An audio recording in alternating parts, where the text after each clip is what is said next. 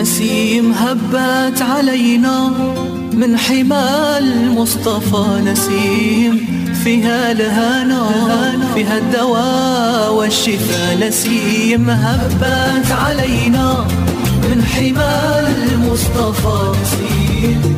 فيها الهنا فيها الدواء بشمها يصلح الظاهر لنا والخفايا من للنبي في كل حال اختفى. على قدم صدق مع أهل الهمام والوفاء هم الرجال الأكابر هم هم الشرفاء هم أهل الأسرار هم أهل النقاء والصفا يا حارس جع فحالي بالنبي قد صفى الله الله الله الله.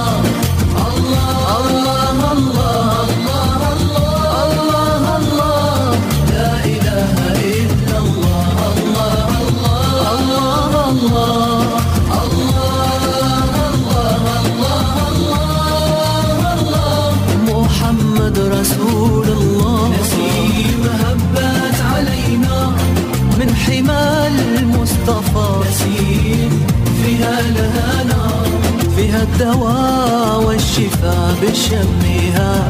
يصلح الظاهر لنا والخفا يا بخت من للنبي في كل حال اقتفى. الله الله الله الله الله الله.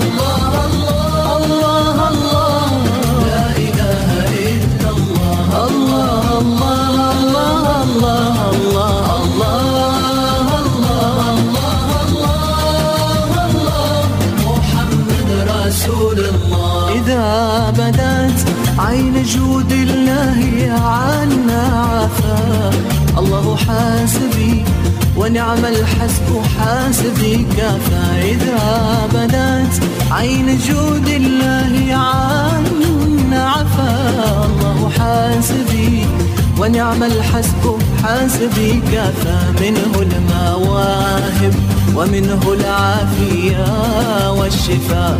يا واسع الجود ربي خير عافي عفانا الله الله.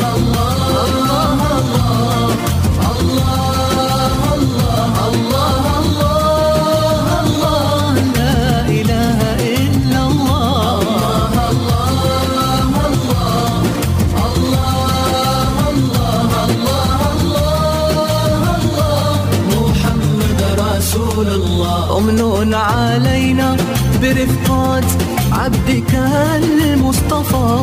اسلك بنا نهج من لهديه. اختفى أمن علينا برفقات عبدك المصطفى. اسلك بنا نهج من لهديه. اختفى نثبت بديوان وراث النبي الخلفاء. بجاه أحمد حبيب الله كنز الوفا الله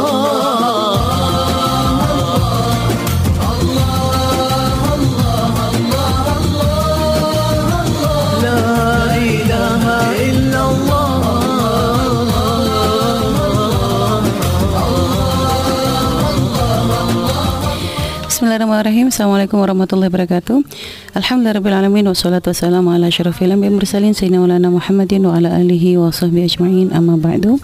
Para pemirsa Al-Baja TV Dan juga sahabat radioku yang dimuliakan Allah SWT Bagaimana kabar sahabat semua Dan juga para pemirsa di pagi yang penuh berkah ini? Semoga anda semua senantiasa diberkahi dengan kesehatan Dan kemudahan untuk selalu taat kepada Allah Subhanahu Wa Taala. Amin Ya Rabbal Alamin. Alhamdulillah di kesempatan Senin kami kembali dapat menemani Anda dalam acara acara kita semua yaitu acara belajar bareng bersama Buya dan Umi yang disiarkan ya di Albaja TV dan juga di radioku Inspirasi Spirit Hati ya. Dan alhamdulillah ya seperti eh, di pagi ini ya kita akan memulai dengan sesuatu yang baik dan semoga menjadi satu hal yang akan menjadi sebab kita dibukakan pintu-pintu kebaikan yang lain. Kita niat belajar bersama ya dengan tujuan untuk semakin lebih memahamkan kita kepada syariat yang dibawa oleh Nabi kita Nabi Muhammad Wasallam dan semoga Allah memberikan kepada kita semua ilmu yang bermanfaat di dunia wal akhirah dan semoga semua yang kita pelajari bisa kita amalkan dalam kehidupan kita sehari-hari dan menjadi sebab kebaikan kita semuanya. Baik para pemirsa baca TV dan juga sahabat radio yang dimuliakan Allah Subhanahu wa taala melihat uh, antusiasnya ya para pemirsa juga sahabat ketika uh, kami buka sesi tanya jawab ya artinya kami berikan kesempatan untuk bisa bertanya langsung kepada Buya uh, banyaknya pertanyaan yang masuk dan ada banyak pertanyaan jawab pertanyaan-pertanyaan penting yang subhanallah ya uh, ini benar-benar menjadi suatu tambahan ilmu insya Allah bagi kita semua jika kami pada kesempatan kali ini kembali membuka uh, kesempatan kepada pemirsa Al-Baja TV dan juga sahabat radioku untuk bisa bertanya kepada Buya ya Anda bisa bergabung bersama kami di via telepon kami di 085284700147 atau di via SMS kami di 081321461079. Jadi kami buka kesempatan kepada para pemirsa juga dan sahabat radioku ya untuk bisa bertanya kepada Buya kami ulangi kembali yaitu melalui via telepon kami di 085284700147 dan juga via SMS atau WhatsApp kami di 081321461079. Baik para pemirsa Baja TV dan juga sahabat radioku yang dimuliakan Allah Subhanahu wa taala, uh, kita akan kembali langsung memulai acara tanya jawab kita ya, belajar uh, kita akan tapi sebelum itu kita menyapa Bu yang sudah hadir bersama Umi di studio. Assalamualaikum Bu ya. Waalaikumsalam warahmatullahi wabarakatuh. Gimana Bu ya kabarnya sehat Bu ya? Sehat berkat doa para pemirsa dan juga para pendengar. Semoga Allah senantiasa memberikan kepada kita segala kebaikan lahir batin diri, Amin, amin, keluarga amin. dan masyarakat di dunia dan di akhirat. Amin, amin, amin. Baik Bu ya, terima kasih Bu ya. Baik Bu ya, eh, tadi seperti yang disampaikan, kita akan kembali membuka sesi tanya jawab yang memberikan kesempatan kepada pemirsa Al-Baja TV dan juga sahabat untuk bertanya langsung kepada Bu ya. Dan subhanallah sudah ada pertanyaan yang masuk Bu ya, melalui sahabat yang sudah bergabung melalui via telepon. Kita angkat terlebih dahulu. Halo, Assalamualaikum. Waalaikumsalam warahmatullahi wabarakatuh. Baik, dengan siapa di mana? Dengan hamba Allah di Blitar. Dengan hamba Allah di Blitar. Baik, silakan langsung kita bersolat terlebih dahulu. Allahumma sholli ala sayyidina Muhammad wa ala ali sayyidina Muhammad. Allahumma sholli wa sallim barik alaihi wa ala alihi wa sahbihi. Silakan langsung bertanya kepada Bu ya. Halo, assalamualaikum Bu ya. Waalaikumsalam warahmatullahi wabarakatuh. Silakan. Bu ya, Mm. saya mau tanya. Mangga silakan. Monggo. Ini bab rumah tangga Bu ya. Mm-mm. Ya. Saya kan dulu kan pernah sampai sekarang kan saya masih menikah lah. Sudah tiga tahun setengah. Mm-mm. Dulu saya kan sering bertengkar. Lalu saya kan sering kan mengutakan ucap yang jenis kinayah itu kan kalau diniati menakut-nakuti boleh enggak. Lalu sekarang rumah saya rumah, rumah tangga saya kan ayam-ayam harmonis banget. Lah di saat rumah saya rumah tangga saya harmonis, saya sering ketakutan kalau seolah-olah saya pernah ngucapin kata yang soreh. Lah Terus Baik. bagaimana itu hukumnya Bu ya? Lah, lalu lagi Iya. saya kan sampai sekarang dibayang-bayangin rasa takut apa saya perlu muhalil nikah apa tidak Se- seolah-olah saya dibayang rasa takut salah tiga begitu loh Bu ya. Mm-mm. Mm-mm. Terus saya waktu cari rumput di sawah saya was-was pikiran saya was-was melulu terus saya ngucapin sendiri lafaz itu dengan sendirinya mulai sekarang kamu lah itu dalam keadaan was-was dalam intinya saya Ngucapnya gimana? Waktu di sawah itu.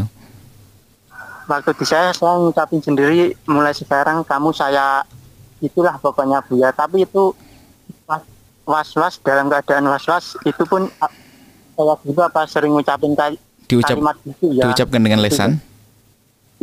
iya tapi Bi- bisa dibuat Ya. contoh apa sih? Kayak apa? ya mulai saiki kowe tak pegat tapi itu niatnya ap- apa saya dulu bilang seperti itu ya dalam keadaan was-was itu loh Bu ya Maksudnya waktu itu hanya Ngomong Sen- sendiri ya. ngomong sendiri, ngomong sendiri dalam se- mau ngomong dalam arti bentuk pertanyaan atau ngomong pertanyaan kepada diri saya Ah, sendiri apa saya, saya dulu pernah Oh, gitu. itu itu loh bu ya ya.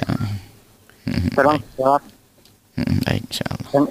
Ini tidak saya matiin biasa karena radarnya tidak sampai dari sini. Baik, baik, ya, baik, insya Allah. Baik, baik, insya Allah. Bismillah. Yang pertama adalah selagi anda tidak uh, yakin itu tolak soreh dengan kalimat jelas, engkau aku cerai atau engkau aku talak, maka itu namanya kinayah. Sudah nggak usah ragu. Selagi kalimatnya bukan engkau aku cerai, engkau aku talak, maka itu namanya kinayah. Kemudian niatnya pun Anda sudah menjelaskan Anda tidak ingin mencerai cuma nakut-nakuti. Maka itu tidak jatuh cerai. Maka tidak usah ragu sudah. Tidak usah bertanya lagi ke siapa pun nanti Anda tambah ragu.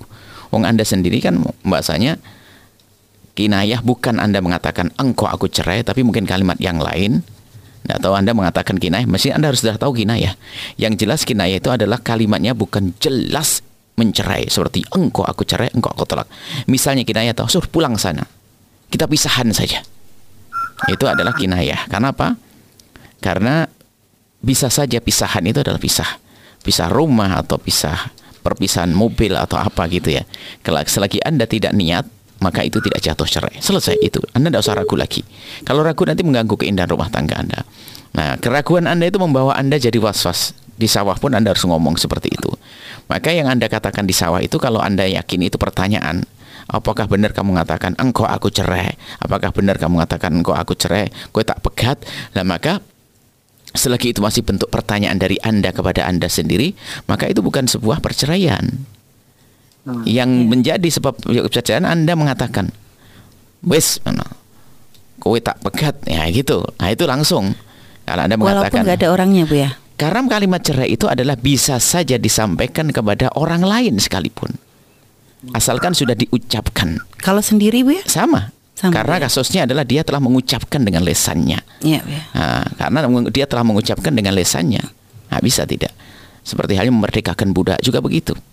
Nah, jadi itu guyonannya jadi seriusnya juga aja jadi. jadi tapi kalau sifatnya adalah sekedar tanda tanya maka nggak usah kemudian setelah itu anda jangan bahas lagi masalah ini karena anda sudah mulai masuk wilayah was was anda tidak usah bahas lagi selesai. Dan anda pun sudah dilarang membicarakan masalah ini. Sudah selesai. Nggak ada muhalil anda kalau bicara dengar ceramah tentang uh, cerai-cerai anda tutup telinga saja. Karena khawatir yang ada di dalam diri anda was was itu sangat mengganggu rumah tangga anda. Ya insyaallah. Allah alam Iya. Iya. Baik, bisa dipahami ya, Bapak ya, baik. Iya. Lalu ini lagi dia kan istri saya istri saya juga saya tanya dia aku biar apa pernah ngomong ngono dia menjawab juga tidak dia tidak merasa gitu Bu ya. ya sudah Ya, sampun. Sudah, sudah, semakin jelas sudah. Kalau itu Anda tidak usah pikirkan setelah ini. Kalau Anda mikirkan berarti Anda sendiri yang yang bikin masalah. Oh, Sudah Anda usah iya, pikirin, sudah tutup. Anda pun bertanya kepada seorang ustadz pun nggak boleh sudah. Dan jangan tanya lagi kepada kami juga. Oh, Sudah iya, selesai. Nah, itu baru Anda tenang setelah itu. Baik, insya Allah ya. Baik. Iya, iya, Ya terima kan, kasih. sama-sama, sama-sama. Assalamualaikum. Warahmatullahi wabarakatuh. Baik kepada hamba Allah tadi yang dari Blitar ya. Semoga dengan apa yang beliau sampaikan bisa membawa ketenangan di hati Anda, menghilangkan rasa was-was dan insya Allah semakin yakin lagi dan rumah tangga Anda semakin harmonis insya Allah. Baik Bu ya, terima kasih Bu ya atas jawabannya dan juga kita akan mencoba menja- eh, kita akan menjawab pertanyaan yang sudah bergabung melalui via WhatsApp Bu ya. Assalamualaikum warahmatullahi wabarakatuh. Baik, eh, Waalaikumsalam warahmatullahi wabarakatuh. Ini Bu ya ada eh, ada pertanyaan dari sahabat yang sudah bergabung melalui via WhatsApp. Sama eh, ini Allahumma sholli ala sayyidina Muhammad wa ala sayyidina Muhammad. Sallallahu alaihi. Bu ya, ini ada pertanyaan apakah benar Bu ya? Ini nggak disebutin dari mana dan di mana. Eh, apakah benar mengajak istri jalan-jalan dan traktir istri itu pahalanya lebih besar dari beribadah di Masjid Nabawi Bu ya? Ini pertanyaan titipan dari seorang teman Bu ya. Baik, sebentar. Ibadah itu dalam keadaan normal, sama-sama normal, memang ada martabatnya. Ya Bu ya. Misalnya sholat sendiri di rumah bagi laki-laki dengan sholat berjamaah di masjid dalam keadaan sama-sama normal, tentu paling utama adalah di mana? Di masjid. karena disebutkan dengan berjamaah di masjid disebutkan hadis Nabi tentang itu semuanya. Sama begitu juga tentang Masjid Nabawi 10 ribu, di, seribu, seribu kali dilipat gandakan pahalanya. Artinya sam- dalam keadaan normal maka sudah jelas nas dalam hadis itu nggak bisa di- dirubah.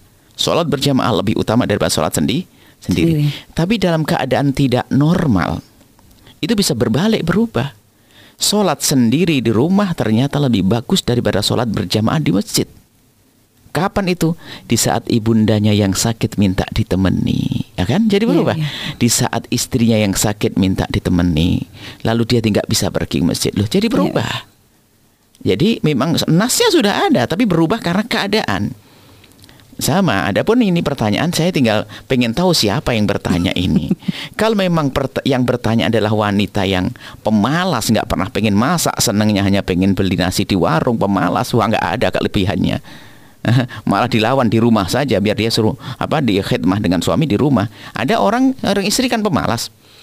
Dia cari fatwa ulama yang mengatakan mem- apa, ngajak jalan-jalan istri. Kalau aja kuliner kan tidak usah masak ini kan pemalas. Kalau istri pemalas nggak ada kelebihannya itu. Hah? Ya, Nggak. Tapi kalau misalnya seorang suami yang dia ada kesempatan Kemudian istrinya pun selama ini sibuk dengan ngurusi anak dan yang lainnya Kesibukan yang ngurusi Masya Allah Kemudian istrinya pengen bang Saya pengen jalan-jalan se- se- sesekali lah bang Kita makan di mana gitu Lah kalau kasusnya semacam ini Bukan istri yang menuntut Sesaat-sesaat Mungkin juga ya berubah suasana Maka ini bisa menjadi ibadah yang lebih bagus dari yang lainnya Bagi seorang suami Ya. tapi kalau istrinya memang pemalas, kemudian ke warung juga sering, bahkan ka- tanpa suami pun jalan sendiri ke warung. Ya ini si istri nggak bener begitu. Itu pun menuntut namanya. Nah, tapi ingat para suami pun juga demikian.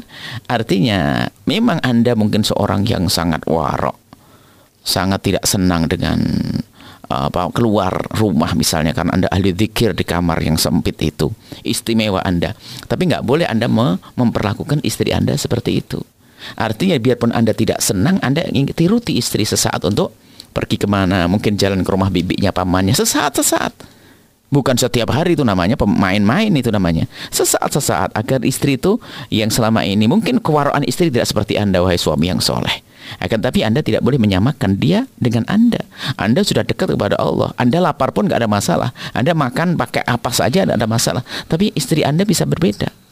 Karena dia mungkin belum terbiasa atau dia mikirkan anaknya. Maka ketahuilah sebaik-baik laki-laki yang mengerti keadaan istri. Kalau memang saatnya untuk diajak jalan ke kebun atau makan mungkin merubah suasana itu boleh-boleh saja dan itu adalah membahagiakan istri adalah sebuah pahala tentunya dengan catatan tidak memberatkan bagi anda tidak menjadikan uang belanja anda berantakan? Nggak.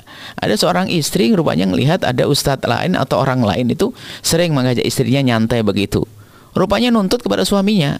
Coba saja kayak begitulah. Suaminya nggak punya kemampuan. Dan mintanya harus ke tempat yang sama yang dilakukan orang lain. Nggak bisa.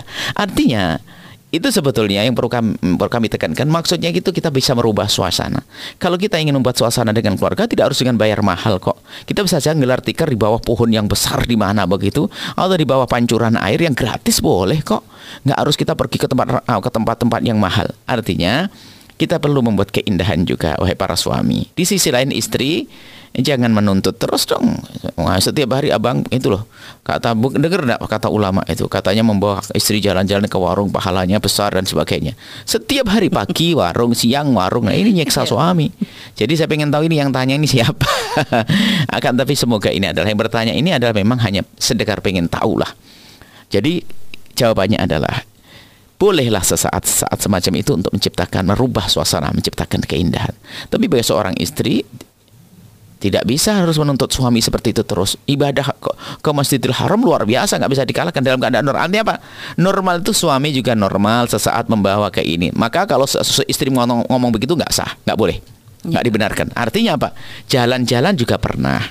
Ke warung juga ada sesaat-sesaat. Warung yang terhormat tentunya.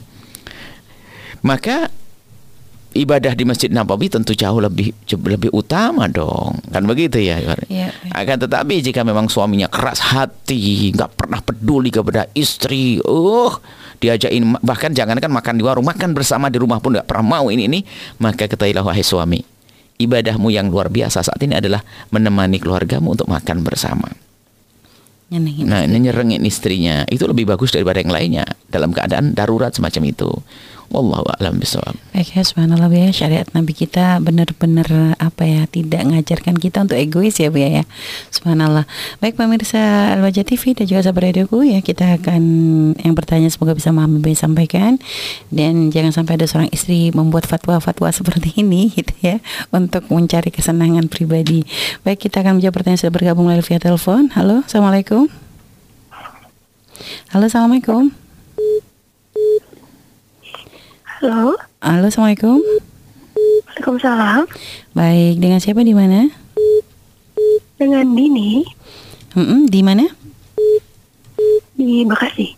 Dengan sahabat Dini di Bekasi. Baik, kita bersolat terlebih dahulu. Allahumma sholli ala Sayyidina Muhammad wa ala ali Sayyidina. Muhammad. Allahumma sholli wa sallim barik alaihi wa ala alihi washabihi. Baik, silakan langsung kepada Buya. Assalamualaikum Buya. Waalaikumsalam warahmatullahi wabarakatuh. Eh, ini mengenai teman saya yang ingin bertanya. Mm, silakan. Eh, jadi teman saya ini berpacaran tahun 2018 dengan pacarnya. Kemudian eh, September 2019 mereka komitmen untuk mempersiapkan modal untuk pernikahan. Eh, kemudian Maret 2020 ini mereka berpisah dan eh, si cewek ini masih ingin bersama dengan pacarnya. Kemudian eh, perempuan ini teman saya tahajud, sholat tahajud dan istikharah. Kemudian tanpa memberitahu pacarnya dia membuka eh, akun media sosialnya. Akhirnya menemukan bahwa pacarnya telah eh, berselingkuh dan berzina. Kemudian eh, eh, berzina tahun eh, 2019. Mm, Nah, kemudian Maret eh, Februari Maret 2020 teman saya juga melakukan hal, hal yang sama dengan pasangannya tersebut. April April itu akhirnya pacarnya ini yang laki-laki minta maaf ke pacarnya dan ibunya. Kemudian Juni dia pacarnya membawa orang tuanya ke rumah untuk meminta maaf walaupun hanya memberitahu bahwa anaknya selingkuh tidak memberitahu persoala, persoalan lebih dalamnya. Nah itu kira-kira apakah boleh dilanjut ataukah mengikuti sinyalnya Allah? Ya. Baik, subhanallah. Terima kasih. Bismillah. Baik. Pertama adalah langkah yang ditempuh, langkah awal yang ditempuh salah. Membuat pendekatan sebelum adanya ikatan yang halal. Itu artinya eh, mencari bencana keharaman dengan cara pacaran itu, masya Allah. Karena pacaran adalah itu adalah mendekati zina. Kemudian eh, dan ternyata setelah itu terbukti laki-laki itu pernah berzina dengan perempuan lain dan ketahuilah bahwa kalau sudah laki-laki berani berzina dengan seorang perempuan dia bisa berzina dengan seribu perempuan bahkan mungkin wanita itu pun sudah mungkin sudah pernah dicoba mencoba berkali-kali. Karena apa? Sudah tidak takut kepada Allah. Karena syahwat itu datang setiap saat.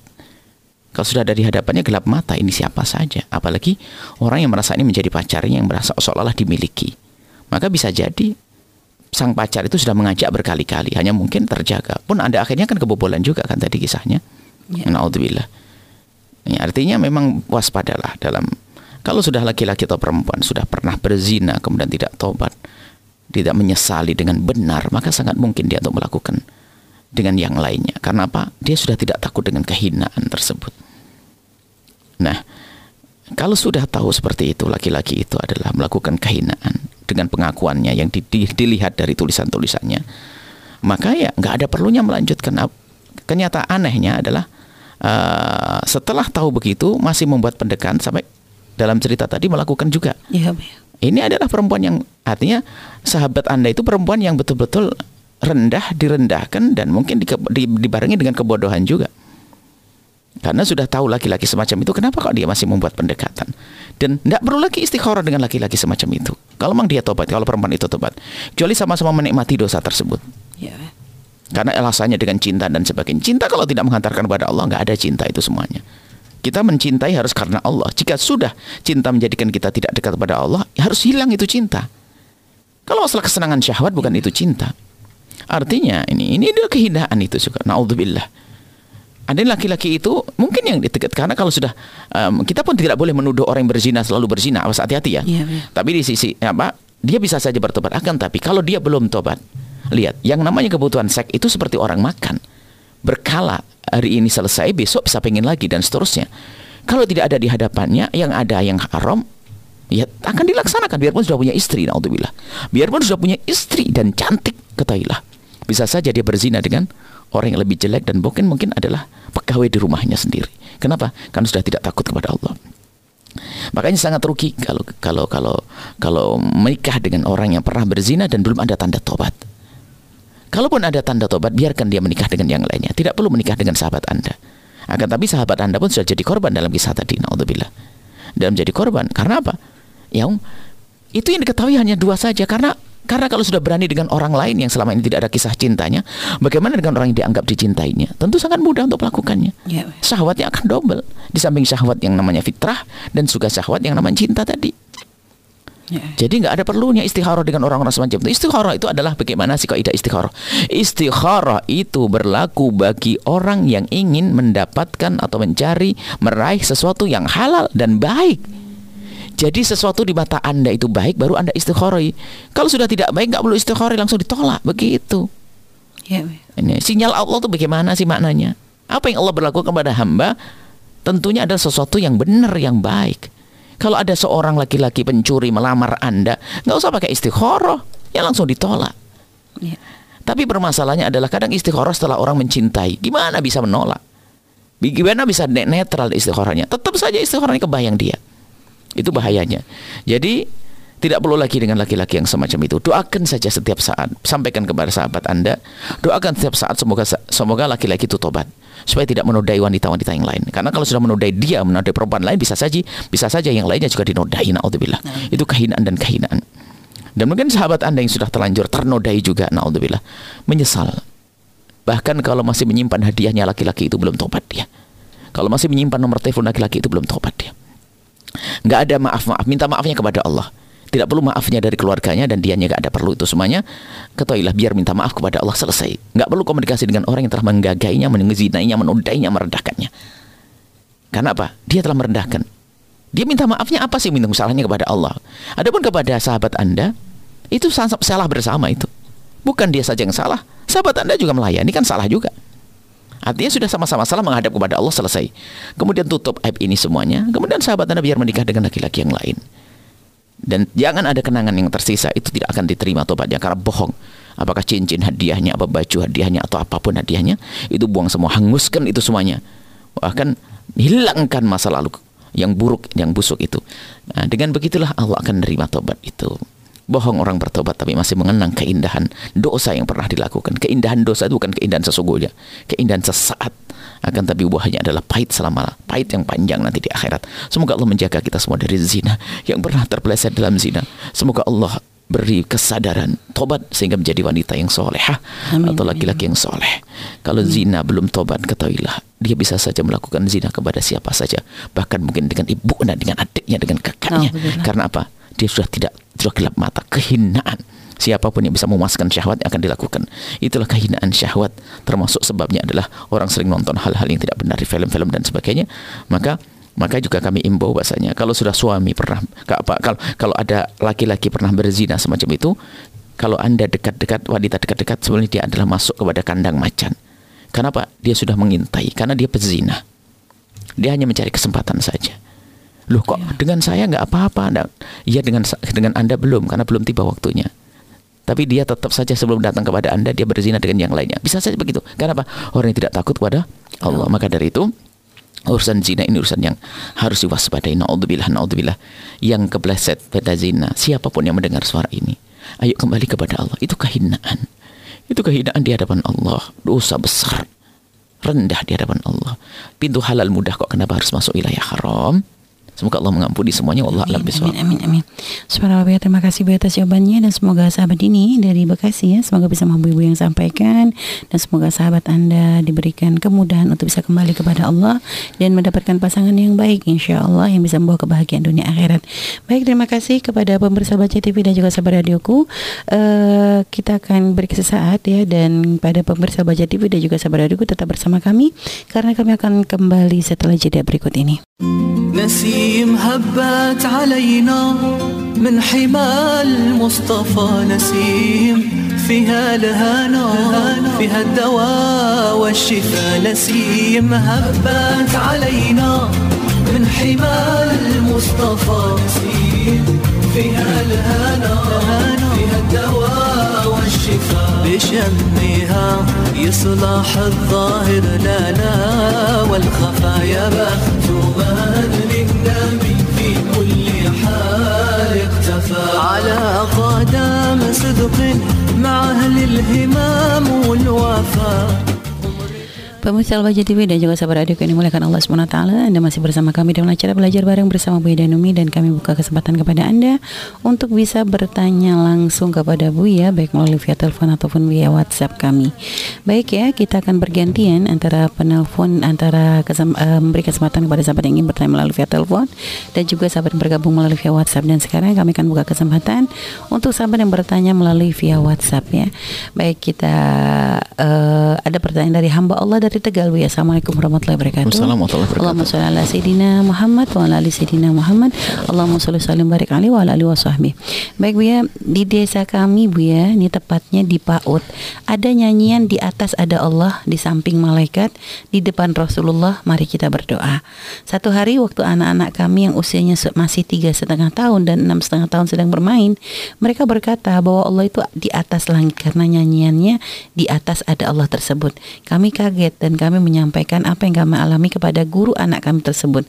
Dan kami menyarankan agar nyanyian tersebut diganti dengan nyanyian yang lain. Tapi guru anak kami nggak mau karena kata beliau hal itu akan memancing eh, sosial emosional anak, sosial emosional anak dan untuk menunjukkan bahwa di atas ada Allah itu adalah bahwa posisi tertinggi itu adalah Allah. Bagaimana Bu, apakah hal tersebut membahayakan untuk anak kami atau tidak? Dan bagaimana kami harus bersikap mohon petunjuknya di desa kami ini akidahnya satu yaitu ahli sunnah wal jamaah asyariyah dan kami sudah mencoba untuk menunjukkan video-video Buya yang menerangkan tentang hal tersebut tapi guru anak kami tersebut sepertinya tidak mau mendengarkannya jadi apa yang harus kami lakukan Baik, Bismillah. Eh, itu adalah jelas salah dan tidak bisa ditolerir karena apa? Itu sudah akan menanamkan di hati sang anak diam-diam meyakini bahasanya Tuhan bertempat di atas sana. Allah tertinggi itu maknanya apa sih? Allah maha tinggi bukan tertinggi. Kalau tertinggi itu malah nggak boleh ada bandingannya sama saya nggak tertinggi Allah maha tinggi. ya Eh, Allah maha tinggi. Bukan tertinggi berarti ada yang tinggi tinggi tinggi. Nggak, Allah maha tinggi. Semuanya rendah di hadapan Allah. Nggak boleh disamakan. Kalau kalau tertinggi itu sama-sama. Jadi ada yang tinggi selain Allah. Nggak ada. Kalau di hadapan Allah semuanya rendah. Paham ya makna tertinggi? Eh, Makna tertinggi itu adalah ada pohon 16 pohon. Yang paling tinggi berarti di bawahnya ada yang ting Ada tinggi. tinggi. Berarti sebenarnya kurang lebih ini sama, hanya ini lebih bawah. Kalau Allah maha tinggi, nggak ada yang tinggi di hadapan Allah. Ya, ini maknanya itu. Kalau kalau sudah mengarah kepada di atas ada salah. Kemudian mohon digeser saja ustadz semacam itu. Karena ini kalaupun itu akidah ustadz yang dari akidah Asy'ariyah, berarti dia tercemar dengan akidah yang sesat. Dia tidak boleh ngajar lagi. Dan jangan tolerir masalah yang semacam ini bahaya sekali masalah keimanan sebabnya. Karena tiba-tiba di luar sana ketemu tentang Allah di atas langit, di atas arsh dan sebagainya bakal berantakan nanti. Allah Maha ada, tidak perlu tempat. Masalah mancing emosi dengan cara tidak cara semacam itu. Ustadz cerdas tidak perlu bingung. Ada cara bermacam-macam memancing emosi keimanan kepada Allah Subhanahu wa taala. Jadi nggak boleh itu. Jadi harus diingatkan ustadz itu kalau tidak bisa diingatkan, ya mungkin Anda bersepakat dengan ustadz yang lain untuk untuk menggeser mengganti ustadz tersebut karena membahayakan. Kalau tidak mau mengganti lagi itu keras kepala. Karena ini masalah keimanan, masalah akidah. Masalah fikih khilaf ya bisa saja kita kita maafkan. Tapi ini masalah keimanan akidah. Kemudian dari apa yang dijelaskan Ustaz menunjukkan dia mengerti bahwasanya Allah itu maha tinggi bukan tertinggi. Maha tinggi. Jadi kalau dalam tatanan pemerintahan tertinggi adalah presiden, iya tertinggi. Artinya presiden dengan gubernur itu sama. Artinya apa? Sama-sama manusia, sama-sama ini. Tapi kalau maha tinggi Allah Jalla Jalaluh, bukan nggak ada bandingannya. Sehingga kalimat Allahu Akbar itu adalah maha tinggi. Bukan Allah Akbar min Amerika. Bukan Allah lebih gede dari kita. Enggak. Itu bukan makna bin min ini bukan tak membanding, membandingkan. Allah Akbar itu kali al, al, tafdil di sini bukan membandingkan. Allah bukan lebih gede daripada dunia. Allah bukan lebih gede daripada melangit. Allah bukan lebih gede daripada ars bukan. Allah maha gede, maha besar. Jadi bukan perbandingan masalah iman. Beda ini, penting sekali masalah ini. Jadi mengatakan Allah Akbar, Allah lebih besar dari ini membandingkan artinya sama-sama. Hanya lebih gede enggak, tapi Allah Al-Akbar maha besar. Di hadapan Allah semuanya jadi kecil bukan sebanding. Bukan Allah ter enggak. Enggak ada ter di sini. Allah maha besar. Harus paham makna ini ya. Ini adalah makna membandingkan Allah dengan makhluk enggak bisa. Jadi kalau Allah misalnya ada Tuhan dua Allah, naudzubillah. Ini ada Tuhan lebih tinggi, Tuhan lebih bawah. Wah, naudzubillah. Tuhan dua pun enggak boleh. Tapi kalau sudah Allah dengan makhluknya enggak ada makhluk tinggi di hadapan Allah. Enggak ada makhluk tinggi. Masuk makhluk kalau sudah makhluk adalah rendah di hadapan Allah, yang tinggi adalah Allah. Jadi itu adalah akidah yang sesat dan tolong dihentikan ustadz yang semacam itu membahayakan. Bahkan kalau ada sekolah-sekolah Anda ada guru semacam itu maka nggak boleh. Itu adalah guru yang sudah terkontaminasi dengan pemahaman-pemahaman yang salah. Kita akidah ahli sunnah wal jamaah asy'ariyah mengatakan Allah ada tidak memerlukan tempat dan sebelum ada adanya tempat Allah sudah ada dan setelah Allah menciptakan tempat Allah ada seperti sebelum menciptakan tempat Allah tidak memerlukan tempat selesai tidak di atas, tidak di bawah, tidak di sini. Allah Maha ada. Selesai. Allah alam besar. Baik Bu ya, subhanallah Bu ya, terima kasih Bu ya atas jawabannya. Dan tadi ya kepada Mbak Allah dari Tegal ya Semoga bisa memahami yang Bu ya sampaikan ya. Dan artinya harus ada ketegasan supaya nanti tidak semakin merusak akidah anak-anak kita dari dini ya Na'udzubillah. Baik selanjutnya Bu ya kita akan menjawab pertanyaan bergabung melalui via telepon. Halo Assalamualaikum. Waalaikumsalam. Waalaikumsalam warahmatullah. Baik, dengan siapa di mana? Uh, saya hamba Allah dari Tangerang. Baik, kita bersolat terlebih dahulu. Allahumma sholli ala sayyidina Muhammad wa ala sayyidina Muhammad. Allahumma sholli wa sallim barik alaihi wa ala Baik, silakan langsung bertanya kepada Buya. Ya, assalamualaikum Buya. Waalaikumsalam warahmatullahi wabarakatuh. Semoga Allah jaga Buya selalu. Amin. Amin. Buya, saya dari Tangerang ingin bertanya kebetulan pekerjaan saya ini adalah uh, bisa dikatakan seorang pilot. Nah, di satu maskapai di Indonesia hampir setiap hari saya terbang dan tentunya dengan profesi tersebut saya harus bisa menyesuaikan waktu dan cara sholat terutama yang wajib. Nah, kemudian uh, ketika di udara saya hanya bisa sholat sambil duduk dikarenakan uh, saya takut ketika saya sholat berdiri di belakang tiba-tiba ada masalah dengan pesawat yang serius yang menjadikan saya perlu waktu cepat untuk mengatasinya. Nah itu alasan saya uh, kenapa sholatnya uh, duduk di kursi pesawat di paling depan. Kemudian pertanyaannya adalah uh, sholat saya sambil duduk itu apakah sah sebagai sholat wajib tanpa harus saya kodok ataukah itu masuk ke dalam sholat lihurmatil waktu yang kelak ke, ketika saya landing itu harus uh, dikodok. Itu pertanyaan pertama Bu ya. Baik. Yang kedua uh, ketika berwudu, saya uh, sebelumnya uh, apa uh, menggunakan sepatu ketika berwudu karena pernah mendengar bahwa berwudu itu boleh menggunakan sepatu uh, dan waktu maksimalnya tiga hari dan sepatunya harus di atas mata kaki. Kemudian uh, ada syarat lainkah Bu ya untuk itu? Apakah semua sepatu yang tinggi di atas mata kaki itu sah untuk saya pakai berwudu? Mohon kiranya Buya menjelaskan karena saya selalu khawatir Buya akan sah atau tidaknya sholat saya ketika di udara. Baik, Terima kasih banyak Buya. Sama-sama. Assalamualaikum warahmatullahi wabarakatuh. Subhanallah. Hendaknya semua pilot punya hati iman seperti yang bertanya ini. Sholat tidak bisa ditinggalkan dalam keadaan apa pun. Kabar gembira buat Anda bahwasanya sepanjang Anda di atas pesawat, sholat bisa dijamak. Kapan pun, biarpun seumur hidup jadi sepeda pilot. Jamak kosor ya? Jamak kosor. Sholat bisa dijamak dan dikosor. Sepanjang waktu Anda di perjalanan, kapan pun. Ini sepanjang waktu. Kemudian urusan sholatnya pun mudah. Selagi Anda punya tugas semacam itu, Anda sholatnya cukup dengan duduk, nggak pakai berdiri dan sholat Anda sah karena Anda ada kepentingan. Sebab kalau berdiri membahayakan. Jika Anda berdiri membahayakan, maka sholat duduk Anda adalah sah. Kemudian kabar gembira lain lagi adalah dalam keadaan duduk Anda sambil me, me, di, di, di kursi uh, apa di kursi pesawat Anda bisa melakukan sholat sunnah sebanyak-banyaknya dengan duduk. Cuman rukuknya adalah merunduk sedikit sujudnya merunduk lagi dalam lagi.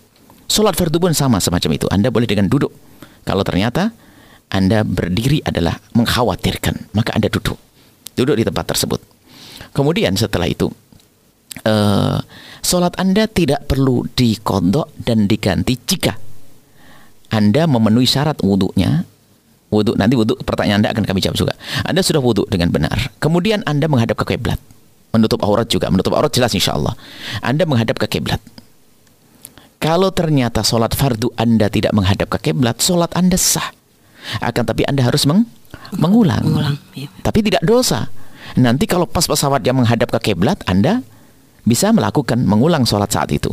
Tapi kalau sholat Anda misalnya Anda perjalanan dari Indonesia ini ke ke Arab, ke Saudi, berarti semuanya ke arah bah, barat. Maka langsung Anda bisa dengan arah pesawat Anda bisa melakukan sholat fardu. Ingat kalau sholat fardu harus menghadap ke kiblat untuk tidak mengulang. Agar tidak mengulang. Tapi kalau sholat sunnah, kiblat Anda adalah mana arah kendaraan itulah kiblat Anda. Jadi kalau sholat fardu harus menghadap ke kiblat, ya, harus menghadap ke kiblat. Nah. Kalau kalau tidak menghadap ke kiblat, maka sholat Anda sah. Akan tapi nanti wajib di diulang betul. Adapun pertanyaan Anda tentang wudhu, ya boleh memang betul. Anda sholat apa wudhu alam masuk ala khufa ini mengusap sepatu itu boleh. Di antaranya adalah syaratnya adalah Anda mengenakan sepatu yang sepatu itu menutup mata kaki. Sepatu apa saja yang sekiranya jika dipercikkan air tidak masuk ke dalamnya, tidak ya, kena ya. kaki, ya uh, dipercikkan. Tapi tidak usah dipercikkan, tidak usah dicoba. Artinya menutup mata kaki. kaki. Kemudian yang kedua adalah Anda mengenakan sepatu itu sudah dalam keadaan wudhu. Ya, ya. Jadi wudhu yang pertama Anda sebelum berangkat naik pesawat Anda wudhu yang benar dengan membasuh kah? kaki. Kemudian Anda di, di kamar di hotel Anda sampai Anda pakai sepatu, biarpun setelah itu Anda batal wudhu nggak ada masalah. Yang penting Anda waktu mengenakan sepatu pertama Anda apa? Punya wudhu. Punya wudhu. Kemudian anda tidak perlu melepas sepatu ini sampai tiga hari jika Anda dalam perjalanan. Misalnya Anda orang Indonesia pergi ke ke pesawat dari Amerika ke Saudi keliling begitu tiga hari baru. Tiga harinya pun kapan dimulai? Bukan dari anda memasang sepatu dari anda wudhu kedua nanti.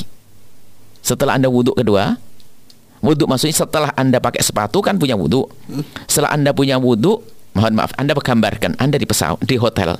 Anda mau naik pesawat anda di hotel wudhu dulu karena nanti saya di pesawat biar nggak usah membasuh kah? kaki. kaki. Maka Anda langsung di di ke hotel wudhu sempurna baru Anda pasang sepatu Anda. Setelah itu Anda berjalan. Biarpun Anda di luar itu langsung hadas, belum dihitung saat itu. Hadas Anda batal wudhu, baru keluar pintu Anda batal wudhu. Nggak ada masalah. Cuman kapan dihitung harinya, waktunya? Nanti. Kapan Anda akan melakukan wudhu? Nanti di saat mau sholat, itu baru dihitung mulai itu. Misalnya ada jam 12 yang Anda melakukan wudhu nanti, wudhu dengan sepatu, dengan mengusap maka jam 12 nanti jam 12 tiga kali jam 12 12 12 baru saat itu harus dibuka lagi dan dibasuh sempurna lagi sangat mudah sangat indah Betul ini. Perlu juga yang disampaikan masalah khufain ini kita juga lupa. Kalau Anda mungkin kita himbau kepada orang naik pesawat harus harus pakai khuf semuanya, pakai sepatu seperti itu. Kenapa? Biar mempermudah urusan airnya. Jadi perlu juga ini. Ini adalah ide juga ini yang kami tidak, tidak, tidak pernah teringat masalah ini. Jadi lebih enak pakai sepatu, sepatunya catatannya harus suci. Dan sepatu suci itu nggak harus sepatu suci itu asli yang suci. Biarpun anda jalan nginjak apa saja, anda nggak usah mikir.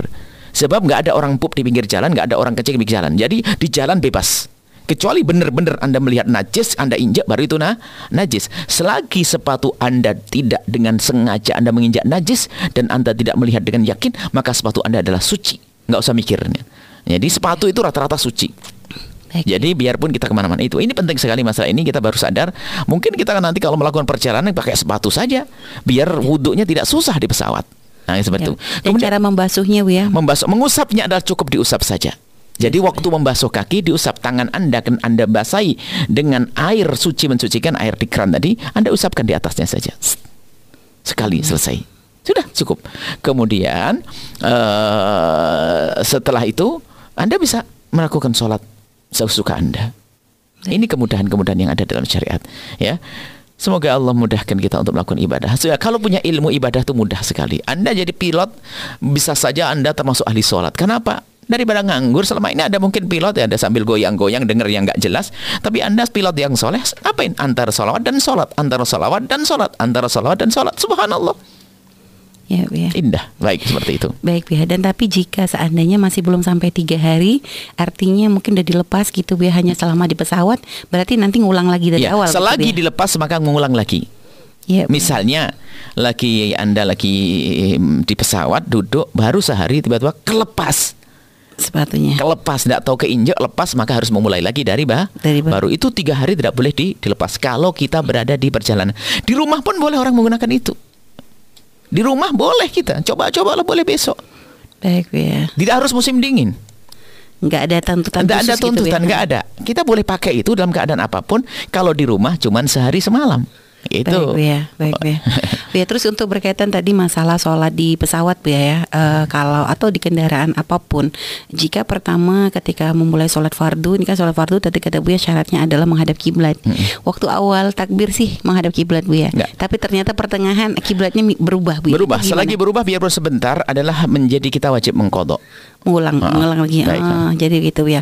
Jadi pertengahan. Walaupun nanti nanti balik lagi ke kiblat tidak tetap. karena sudah meninggalkan kiblat ya Oh gitu. Bu, iya ya. berbeda dengan sholatnya orang yang berjalan Mm-mm. Ya, nanti berbeda. Jadi kalau, kalau sholat fardu, mohon maaf, Iya, sholat fardu. Sholat fardu harus menghadap kiblat semuanya. Dari awal sampai Dari akhir. awal Bu ya. sampai akhir. Eh, pernah membaca Bu ya bahwa yang harus menghadap kiblat lagi bagian dada eh, itu seperti apa Bu ya maksudnya? Dada. Jadi harus arah dada. Seandainya Bu ya perubahan kiblatnya itu bukan langsung berbalik arah, tapi mungkin agak bergeser miring. Itu posisi Nah, gimana Bu Di ya? dalam madhab Imam Abu Hanifah misalnya, kiblat kita adalah arah barat lurus, merong serong sedih. Sedikit. sedikit. Cuman dalam madhab Abu Hanifah kita dimudahkan lah. Yang penting kalau orang di Indonesia ke arah barat. Jadi barat itu semua adalah arah kiblat. Walaupun nyerong sini, nyerong geser sini nggak ada masalah. Nyerong sini yang dimudahkan saja. Jangan kita persulit. Tapi Iya, madhab iya. Syafi'i tidak. Madhab kita bukan kemudahan. Pesawat kan kadang miring sini, miring situ, miring sini. Nah, itu tuh.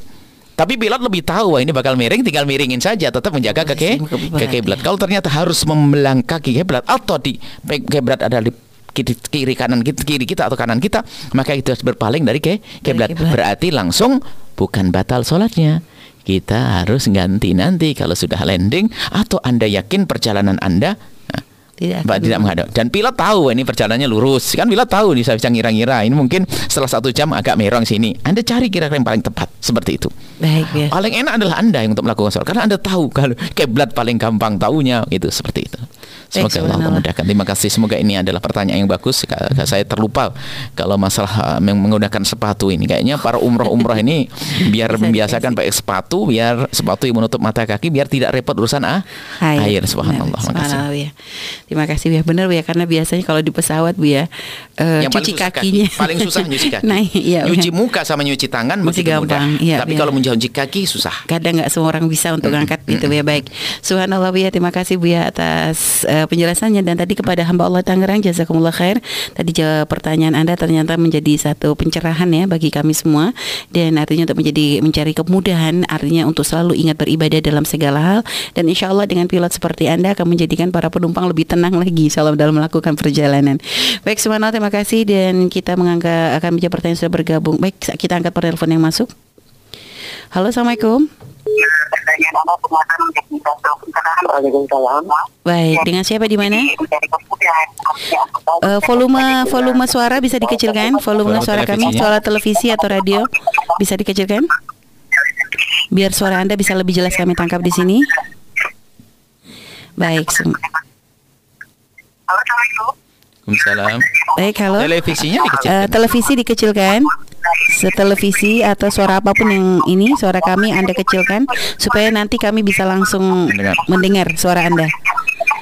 Volume radio, televisi ataupun ya silakan. Halo. Halo, assalamualaikum. Halo, Baik, baik ya terputus ya. Kita kita kita beralih Mungkin kepada diumumkan bagi yang ingin menelepon, mohon televisi dan radionya dikecilkan biar Baik. tidak mengganggu kan suaranya suara kami baru masuk nanti masuk kembali lagi kami. Baik, Jadi ya. kalau mau telepon, televisi sama radio dimatikan. Nanti Baik kecilkan. ya, subhanallah ya. Baik ya, kita beralih kepada pertanyaan yang sudah bergabung melalui via WhatsApp ya. Assalamualaikum warahmatullahi wabarakatuh. Assalamualaikum ya, ini hamba Allah dari Jawa Barat Bu ya. Bu ya, saya saya laki-laki mempunyai teman yang mengaku bahwa dirinya mempunyai ketertarikan terhadap sesama laki-laki. Dia terkadang curhat kepada saya mengenai masalah ini.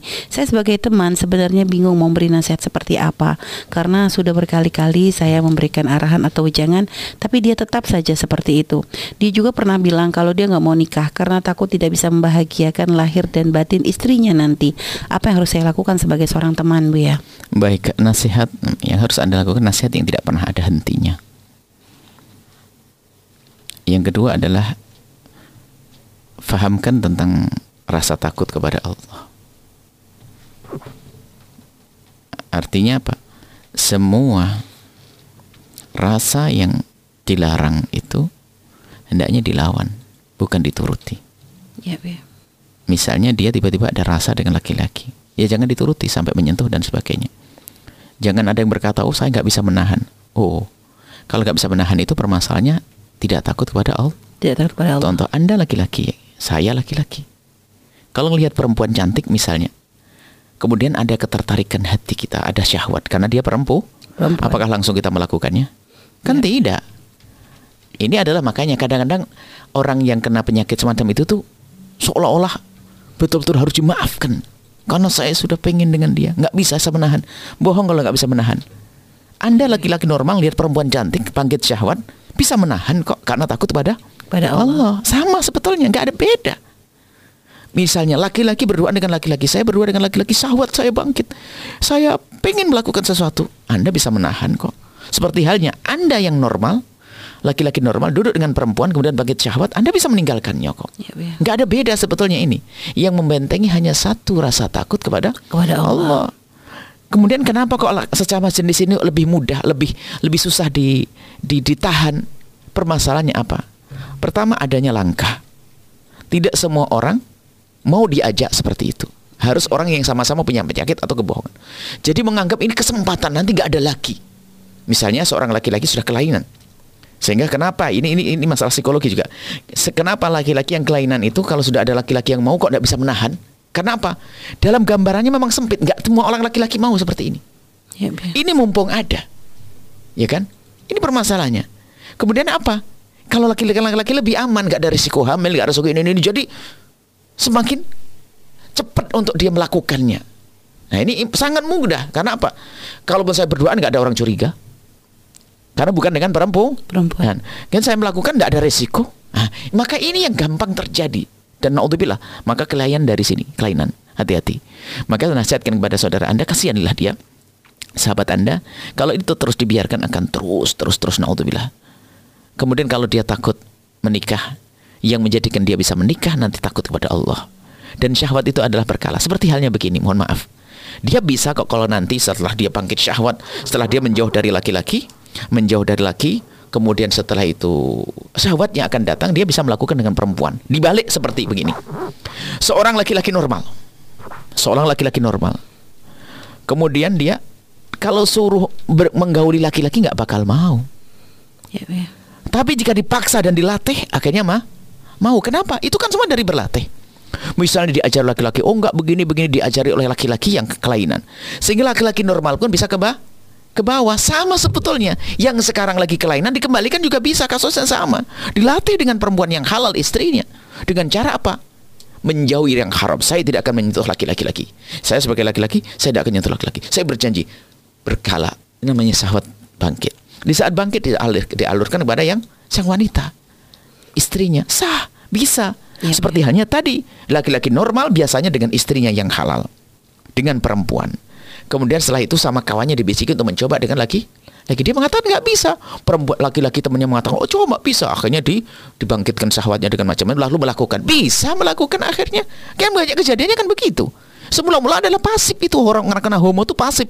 Mula-mula tidak ada nafsu. Bahkan mungkin dia nggak senang hanya karena dibayar dia melakukan mau nerima. Tapi bersama berjalannya waktu Penasaran juga. Tiba-tiba bangkit sahabat dicoba. Naudzubillah. Seperti itu. Sebenarnya sama bisa. Berhenti bisa. Sembuh bisa. Kami ingatkan kepada saudara-saudaraku yang kena LGBT ini. Wanita dengan wanita. Anda bisa sembuh. Anda harus normal. Anda harus normal. Demi keturunan. Demi ridho Allah. Demi kebaikan. Insya Allah. Dengar suara kami ini. Kami tidak merendahkan Anda kok. Kalau yang ada yang mendengar suara ini mungkin ada yang punya dan anda, anda, anda yakin itu dosa besar di hadapan Allah. Ya. Nasihatkan kepada anda semacam ini. Allah alam bisawab. Baik, subhanallah ya. Terima kasih Bu ya atas jawabannya Bu ya. Selanjutnya kita angkat penanya yang sudah bergabung. Halo, Assalamualaikum. Waalaikumsalam.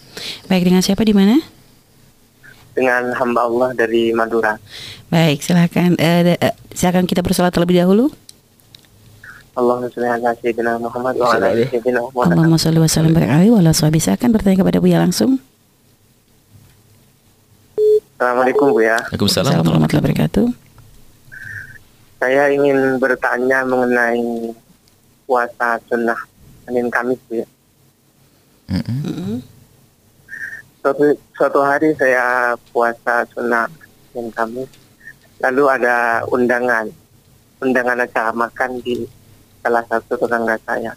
Nah, di waktu itu juga saya membatalkan puasa sunnah tersebut. Bagaimana hukumnya? Apakah saya dosa atau gimana Bu ya? Baik, masya Allah. Baik, terima kasih. Eh, baik, silakan dia langsung. jawab. Membatalkan puasa sunnah tidak haram. Yang haram adalah anda membatalkan puasa wajib, termasuk anda mengkodok puasa Ramadan yang tertinggal. Karena anda mengkodok itu wajib atau puasa nadar yang wajib dibatalkan adalah haram dalam mat, mat, jumhur empat madhab. Adapun melakukan puasa sunnah kalau dibatalkan tidak haram menurut tiga madhab. Madhab kita Imam Syafi'i, madhabnya Imam Malik dan madhab Imam Ahmad bin Hanbal. Ia menurut Imam Abu Hanifah haram nggak boleh, harus dilanjutkan. Tapi Anda Syafi'i di Indonesia, maka yang membatalkan puasa Senin Kemis karena undangan tidak haram, tidak dosa. Mana yang lebih baik Anda lihat? Anda lihat jika orang itu sering undang Anda, lain cerita. Anda bisa bertahan dalam puasa. Puasa. Puasa. Kalau undangannya jarang-jarang, Anda hormati dia untuk Untuk batal. untuk membatalkan puasa. Atau memang Anda bisa misalnya menampakkan makan tapi tidak usah makan, bisa gaya makannya gaya makan yang tidak tidak indah. Saya menganggap makan prasmanan itu tidak indah. Sebab kalau saya pengen lagi nggak bisa nambah. jadi, jadi anggap saya kalau makanannya prasmanan Anda bisa. Anda bilang teman Anda ini tunggu sini tak ambilkan. Jadi Anda yang pura-pura ngantri mau ngambil muter ternyata makanannya dikasihkan ke teman. Setelah itu Anda kelihatan ngambil makanya banyak lagi. Dia seneng masya Allah. Itu bisa. Yang penting jangan bikin kecewa orang yang Orang. mengundang Anda. Baik. Seperti itu. Allah Baik, semangat terima kasih Bu ya kepada sahabat Allah eh, hamba Allah dari Madura. Semoga paham yang disampaikan. Baik Bu ya, eh, selanjutnya kita eh, kita akan beri terlebih dahulu ya Bu ya. Masih sangat banyak sekali pertanyaan yang sudah bergabung melalui via telepon atau via WhatsApp ya. Tapi kita akan jeda terlebih dahulu dan tetap bersama kami karena kami akan kembali setelah yang berikut ini. نسيم هبت علينا من حمى المصطفى نسيم. فيها الهنا فيها الدواء والشفاء نسيم. هبت علينا من حمى المصطفى نسيم. فيها الهنا فيها الدواء والشفاء. بشمها يصلح الظاهر لنا والخفايا مختوما على قدم صدق مع أهل الهمام والوفاء هم الرجال الأكابر هم هم الشرفاء هم أهل الأسرار هم أهل النقاء والصفا. يا حارس جع فحالي بالنبي قد صفى الله الله الله الله.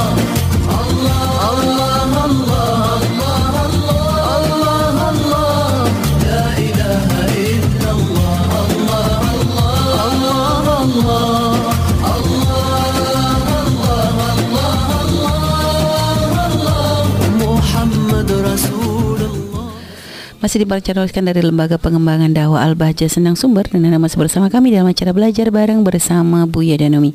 Pemirsa Al-Bahja Radioku dan juga uh, pemirsa Al-Bahja Radio, uh, Al-Bahja TV dan juga sahabat radioku, Anda masih bersama kami dan kita masih berada di sesi tanya jawab ya dan kami akan berikan kesempatan kepada Anda untuk bertanya kepada Buya baik melalui via telepon dan juga via SMS. Tapi kita, sekarang kita berikan kesempatan kepada sahabat yang bergabung melalui via telepon terlebih uh, via via WhatsApp terlebih dahulu. Mohon maaf. Baik, Assalamualaikum warahmatullahi wabarakatuh. Uh, Allahumma sholli ala sayyidina Muhammad wa ala ali sayyidina Muhammad. Allahumma sholli wa sallim barik alaihi wa ala alihi wa sahbihi. Buya, saya hamba Allah dari Pekalongan izin bertanya. Dulu saya menikah dengan suami walinya wali hakim karena bapak saya wali adal tidak mau menikahkan saya dengan alasan tidak suka dengan suami saya karena usianya lebih muda 12 tahun dengan saya. Saya dulu seorang janda dua anak. Kemudian sampai sekarang berjalan satu tahun bapak saya menganggap pertingkahan saya tidak sah dan katanya saya selama ini berzina. Tolong penjelasannya Bu ya. Baik.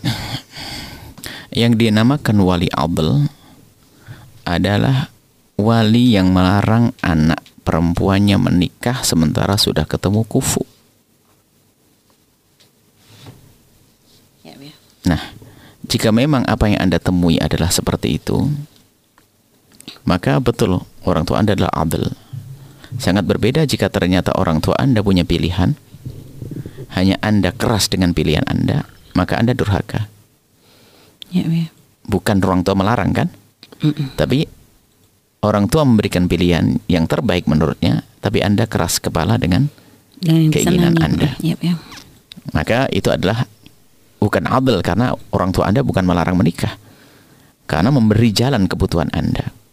Tapi jika ternyata orang tua Anda tidak punya calon, nggak punya ini sementara Anda sudah ketemu kufu, maka lalu Anda menikah dengan wali hakim atau bahkan dengan tahkim, maka jika betul caranya, maka sah. Baik, ya. Bahkan kalau sudah namanya uh, sah, bahkan kalau masalah mengesahkan pernikahan itu tidak susah. Tapi kan keberkahan ada harus misalnya. Biarpun bukan wali adil, ini bukan mengajari yang benar akan tapi ini masalah mengesahkan sebuah akad. Tapi hati-hati, bukan harus Anda ambil seorang wanita yang jauh dari orang tuanya, jauh dari walinya lebih dari dua marhalah, lebih dari 84 km, dia bisa saja langsung yang menikahkan adalah hakim atau dengan tah tahkim. Tapi kan ada kedurhakaan dia. Ya, Bu. Makanya punya fikih itu kalau tidak punya warok pun tidak punya hati bisa rusak. Jadi kalau masalah mengesahkan pernikahan Anda, kemudian lebih dari itu adalah lintas madhab mungkin. Ada madhab Abu Hanifah. Masalah perwalian itu sangat mudah sekali. Artinya, apa yang Anda lakukan asalkan ada dua saksi. Anda kami kembalikan pada Anda. Ada dua saksi kemudian dan tahkimnya adalah benar misalnya anda berdekat dengan pasangan menyerahkan kepada kepada orang tersebut untuk menikahkan anda dengan dua saksi dan akad itu maka itu sah tidak usah ragu lagi tentang dianggap zina oleh orang tua anda biarpun orang tua anggap menyetujui ya, kalau memang betul itu adalah anda melakukan tahkim mm, kemudian sesuai dengan dengan dengan aturan misalnya tahkim terbukti orang tua Anda adil atau kalaupun seandainya tidak adil Anda keluar ke tempat lebih dari berapa dua marhalah. Kemudian dengan tahkim Anda menyerahkan kepada seseorang Anda mempelai berdua menyerahkan kepada seseorang untuk menikahkan Anda berdua lalu orang itu menikahkan disaksikan dua saksi maka itu sah pernikahan Anda. Baik, ya. nggak usah ragu. Tapi mohon ini bukan untuk main-main. Yang belum melakukan hati-hati ini kasusnya adalah gini loh ya jika ada orang bertanya kepada kami tentang kejadian yang belum sama setelah itu beda kalau belum pasti kami akan katakan jangan lakukan seperti itu. Minta izin sampai tuntas. Tapi kalau kasusnya kejadian sudah terjadi nggak mungkin kita katakan zina sebab hukumannya harus rajam, harus ada Anda seorang janda atau di dicambuk kalau itu masih perawan. Ya, ya. Maka pernikahan Anda adalah sah akan tapi asalkan ada dua saksi ya. Ada dua saksi, pernikahan Anda adalah adalah sah. Kemudian ada mahar ya, pernikahan Anda adalah sah. Dan tinggal Anda saat ini mencari ridho orang tua. Ngalah, memohon maaf, jangan membantah, dikerasin Anda semakin lembut. Itu tugas Anda. Seperti Dan itu. tadi kalau masalah usia apakah termasuk menentang kufu Bu ya? Oh enggak. Perbedaan 12 tahun dari 12 suami. bukan, bahkan ada 20 tahun nggak ada masalah. Jadi nggak ada 22 masalah urusan kufu ya? Bukan, bukan masalah. Jadi kufu itu masalah kesetaraan dalam masalah. Kalau berlebihan itu bisa ini dibahas oleh para mutakhirin adalah kufu misalnya orangnya laki-lakinya umur 100 tahun, anak gadisnya 16 tahun. oh itu baru. Ini adalah suka. Tapi bisa jadi ini adalah asalkan wanita merelakan nggak ada masalah.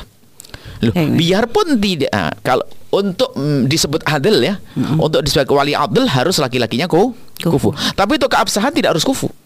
Ya, Misalnya seorang bapak sama anak menyetujui anak perempuannya nikah dengan orang yang tidak sekufu, sah? Sah. Karena kufu itu haknya istri untuk dipertahankan.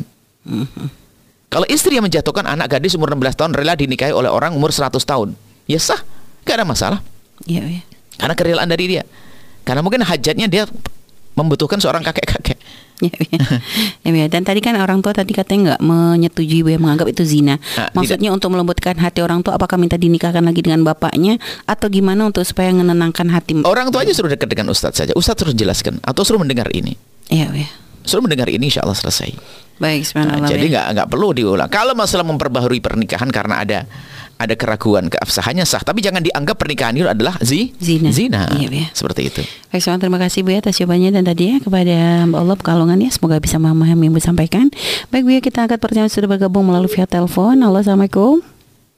Assalamualaikum Baik, Waalaikumsalam warahmatullahi wabarakatuh. Dengan siapa di mana? dengan hamba Allah Umi Baik, dari mana Ibu? Dari Cirebon. Baik, kita bersolat terlebih dahulu. Allahumma sholli ala Sayyidina Muhammad wa ala ali Sayyidina Muhammad. Allahumma sholli wa sallim barik alaihi wa ala sahbihi wa ala alihi wa sahbihi. Baik, silakan langsung kepada Bu ya. Ya, Assalamualaikum Buya. Waalaikumsalam warahmatullahi wabarakatuh. Semoga Buya selalu sehat walafiat dalam ketaatan. Amin, amin, amin, amin. Ya. Buya mau tanya Buya, itu saya kan punya rumah kontrakan Buya. Terus ada yang ngontrak, bayarnya tuh sekalian dua tahun. Cuman belum tahun belum dua tahun tuh udah itu Buya udah Keluar. udahan katanya. Udah udah pindah tuh ke rumah kampungnya tuh Buya. Mm-mm.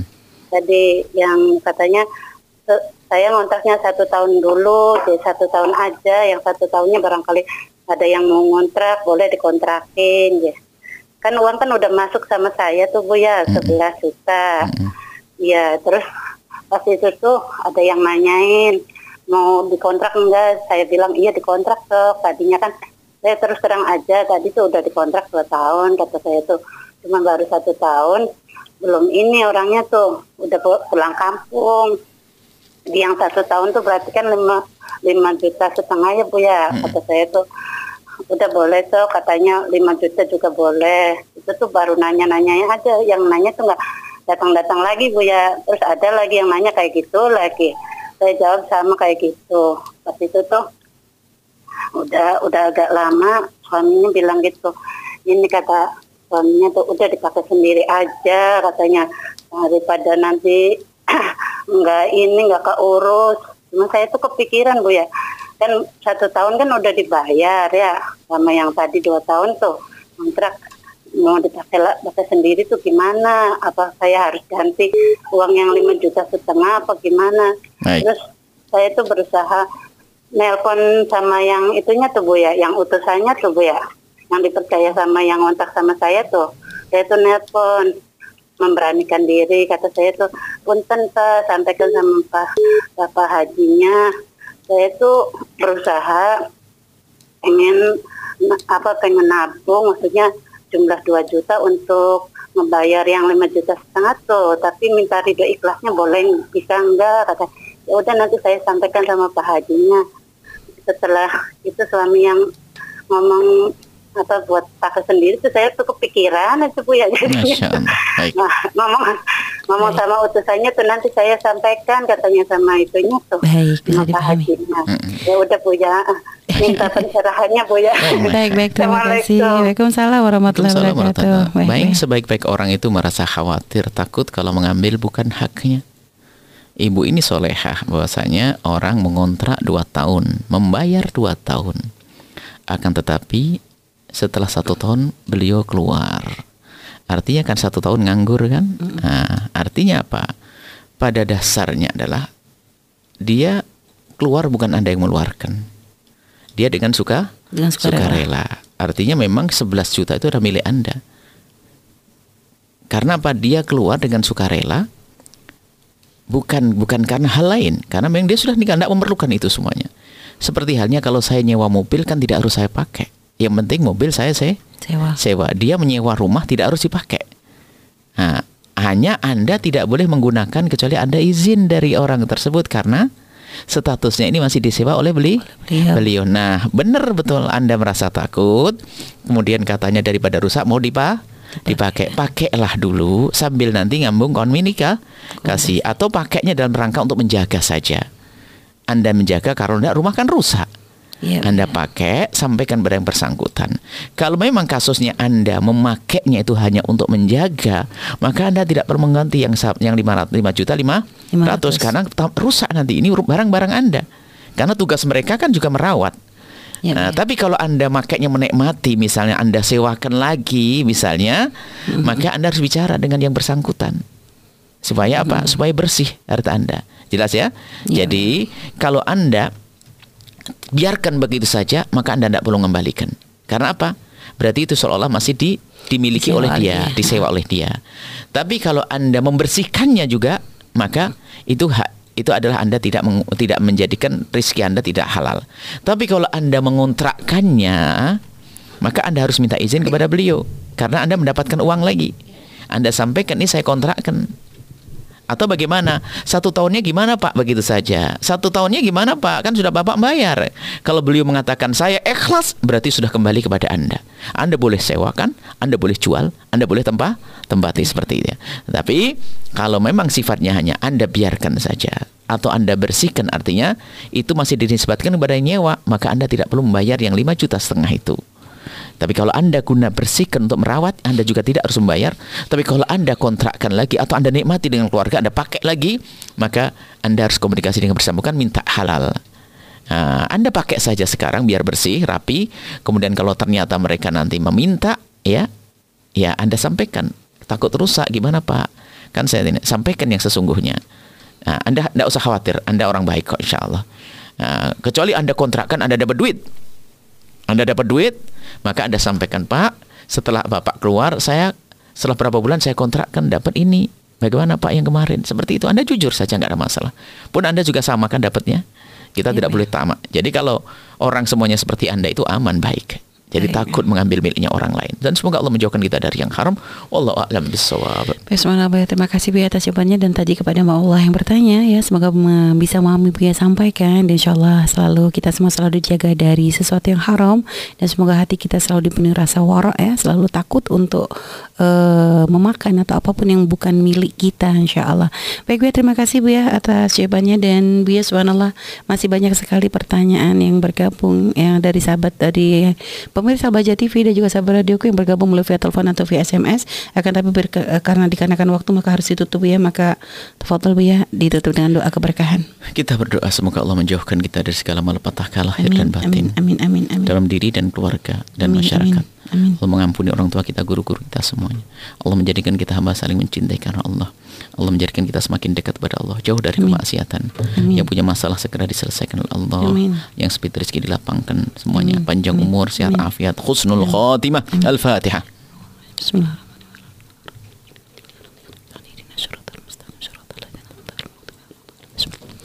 Baik ya, terima kasih Bu ya. Dan kepada pemirsa Baja TV dan sahabat radioku mohon maaf sekali dikarenakan kami masih belum bisa menjawab semua pertanyaan Anda yang sudah bergabung bersama kami. Karena keterbatasan waktu mohon maafnya mohon ridhonya. Dan semoga Allah terus memberikan kepada kita semua kesempatan untuk terus belajar bersama di kesempatan yang akan datang dalam keadaan sehat walafiat insya Allah baik terima kasih kepada pemirsa Baja TV dan juga sahabat radioku eh, kami pamit undur diri ya dan semoga eh, anda semua senantiasa diberikan kemudahan ya. Dan semoga eh, kita semua selalu dijaga oleh Allah SWT dan semoga wabah segera berakhir Amin. sehingga semuanya kembali bisa lebih baik lagi insya Allah mohon maaf dan mohon doanya. Kita tutup dengan doa penutup majelis subhanakallahumma bihamdika asyhadu an la ilaha illa anta astaghfiruka wa atubu ilaik. Wassalamualaikum warahmatullahi wabarakatuh. Assalamualaikum warahmatullahi wabarakatuh.